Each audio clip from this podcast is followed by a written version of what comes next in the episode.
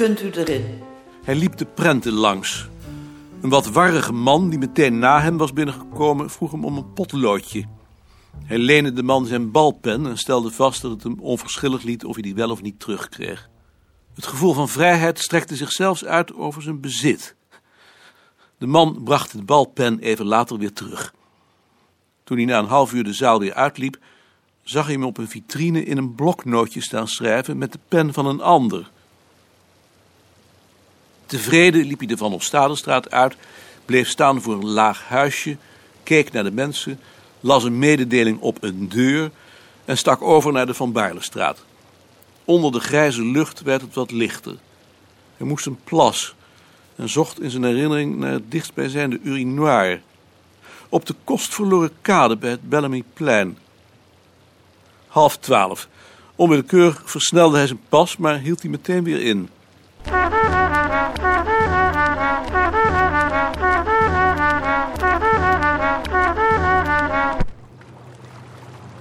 Zaterdagmiddag. Ze fietste langs het kanaal en het Gein naar Apkoude en via de ronde hoep weer terug. Er zat geen blad meer aan de bomen. Het groen van de weilanden was vaal. Het was grauw, kil, troosteloos. En er waren dan ook maar weinig fietsers. In Ouderkerk dronken ze een kop koffie in het café bij de brug. Toen ze langs de Amstel de Utrechtse brug naderden... Tjitske was in de tijd nog zo kwaad dat ze hier alle bomen hadden gekapt... omdat de weg verbreed moest worden. Waar stonden die bomen dan? Ja, dat weet ik niet.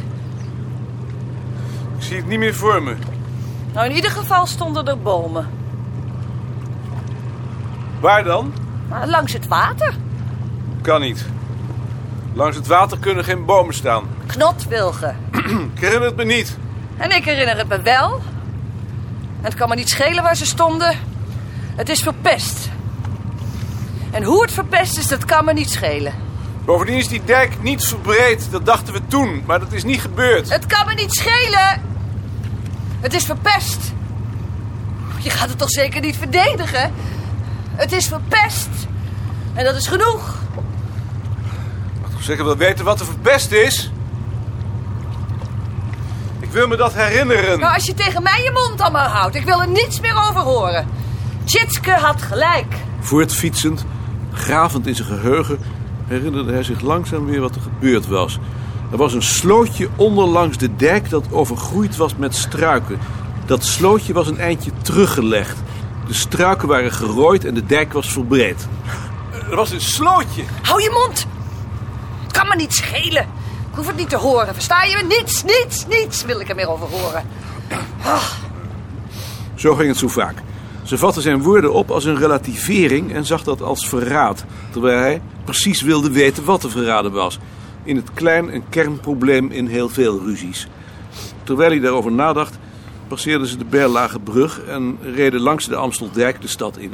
Bij de ijsbreker was het ongewoon druk. Van dis. In het voorbijrijden keek hij door het hoge raam naar binnen. In het café was het stampvol. Plotseling zag hij voor de toonbank Ad staan. Ad! Ik ben blij dat jij mijn baas niet meer bent. Wat doe jij hier? Astrid Lindgren, straks bij Van Dis, over de dieren. Ik wou er wel eens bij zijn. Is Heidi er niet? Die moest bij de honden blijven. Het begint weer. Nou. Dag. Waarom zei hij nou dat hij blij is dat jij zijn baas niet meer bent? Misschien voelde hij zich betrapt. Maar hij mag toch wel naar Van Dis kijken? Ad is iemand die liever alles geheim houdt. En Heidi heeft juist het hart op de tong. Ja, Heidi heeft het hart op de tong. Wat lijkt me dat lastig. Ach. Wat is lastig. Je hoeft niet zo te schreeuwen. Ik schreeuw niet. Ik vraag je toch alleen wat? Wat moet ik dan worden? Weer leraar? Er zijn toch nog andere baantjes te verzinnen als leraar? Wat dan? Nou schreeuw je weer. Nou schreeuw je weer. Nou schreeuw je weer. Nou schreeuw je weer. Nou schreeuw je weer. Nou schreeuw je weer.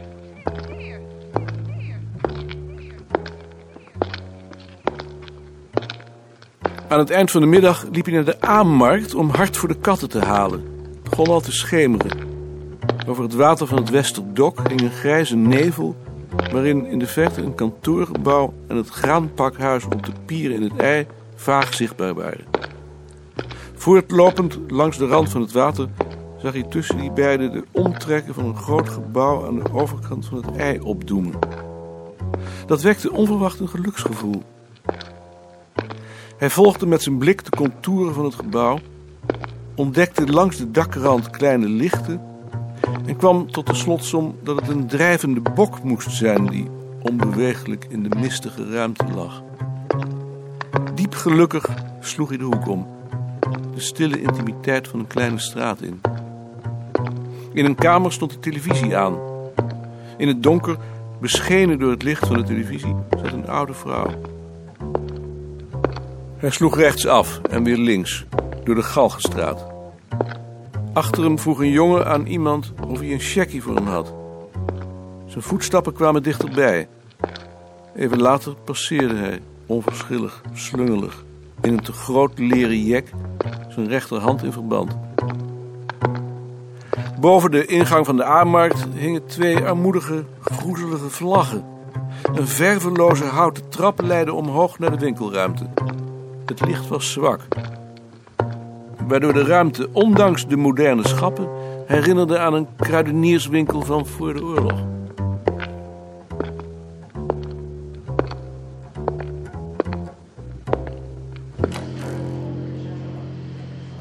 Ze reden met de trein naar Heemstede en liepen van het station naar de waterleiding Duinen. Een grauwe lucht, weinig wind. In de oase dronken ze koffie. Er zaten een oude, verwezen voor zich uitkijkende vrouw en een ouder echtpaar, waarvan de vrouw aanspraak zocht door zich overal mee te bemoeien. De dikke jongen van het café deed de lampjes aan. De feestverlichting. De jongen glimlachte verveeld. Hij trok de gewichten van de koekoeksklok op en draaide de wijzer door zonder de klok de tijd te geven de uren te roepen. Raakt die zo niet van slag? Ik hoop het niet. Want wij hebben thuis ook zo'n koekoeksklok. Enzovoort. Het irriteerde hem.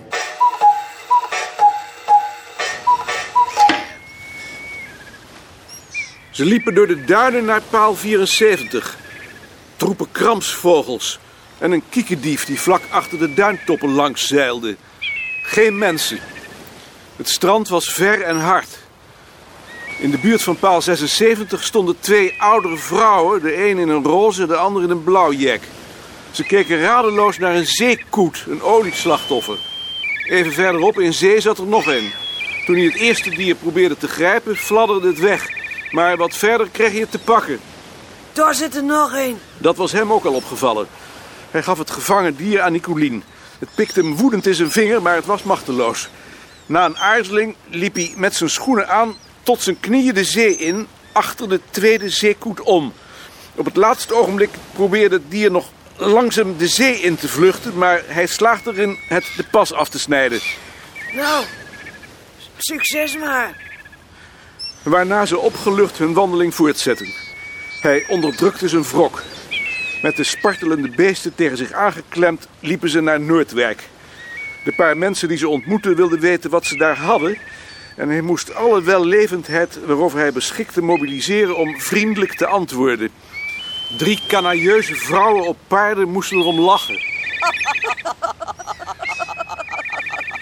Is dat nou van de teer? Ja, dat is van de teer. En het zou hem niet verbazen als haar vader van die teer profiteerde. In ieder geval indirect. Het was een heel eind. In het westen was een gat in de wolken gekomen, waardoor het grijze water een staalglans had gekregen. Hij probeerde zijn gemoedstoestand voor zichzelf onder woorden te brengen, maar hij slaagde daar niet in. Als hij op zo'n ogenblik de gebeurtenissen had moeten beschrijven, zou hij zich verloren hebben in onzinnige, met de haren erbij gesleepte details. Achteraf kwam hij tot de slotsom dat hij vooral bekommernis had gevoeld. Bekommernis en deernis omdat het maar zeer de vraag was of deze twee dieren het zouden overleven. Hij probeerde zich dan ook zo min mogelijk aan zijn dier te hechten, vermeed het om naar hem te kijken en liep in zo'n hoog tempo dat hij telkens geïrriteerd op Nicolien moest wachten. Als hij haar dan aanzag komen met die andere vogel voor haar buik, schaamde hij zich voor die irritatie. Hij vond haar lief. Zij reageerde heel anders. Toen ze heel dicht achter hem was, hoorde hij haar tegen de vogel praten. Het zijn rotzakken. Rotzakken zijn het, dat weten wij samen, hè. Maar wij gaan er iets aan doen. Gaan jou schoonmaken. Heel mooi schoonmaken en dan mag je weer fijn de zee in. Wacht maar. Je zult het zien. Hij vond dat lief, maar hij was er niet zo gerust op. Wat is er met die vogel? Een klein jongetje mocht zoiets vragen. Die vogel is ziek. Die zit onder de stookolie. Mama, die vogel is ziek van de stookolie. Dat wilde die vrouw ook zien. Te gek. De vader stond wat verderop, vaag glimlachend. Dat mens vindt het te gek. Ik, ik geloof dat hij dood is. Hij is niet dood. Zie je wel? Hij is zo levend als de pest. Ze liepen de boulevard af. Het begon te schemeren. Het politiebureau was ver weg, aan de andere kant van het dorp, in een zijlaan van een autoweg. De twee vogels, opgeschrikt door die langs razende monsters, deden verwoede pogingen om los te komen.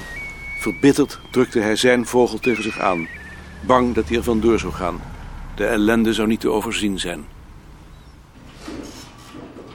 Het politiebureau met computers en televisieschermpjes was daarentegen een oase van zekerheid en rust. Een jonge agent in een blauwe trui bracht hen naar een hek aan de achterkant van het gebouw, dat een kleine barak met daarin een vijvertje en een keukentje afschermde van de buitenbeeld. Bij het vijvertje in het licht van lampen zaten een paar meeuwen en zeekoeten. In het keukentje waren vier hokken, waarvan één voor olieslachtoffers. Daar stopten ze hun verfonfaaide vogels in. Geen antwoord om zijn bezorgdheid weg te nemen. Wie zorgen er nu voor? Mensen? Maar krijgen ze dan wel te eten? Want ze moeten wel eten hebben. Ja hoor, maakt u zich maar geen zorgen. Een modelagent. Ze liepen het hek weer uit de weg op. Hij was plotseling bek af en zwaaide op zijn benen.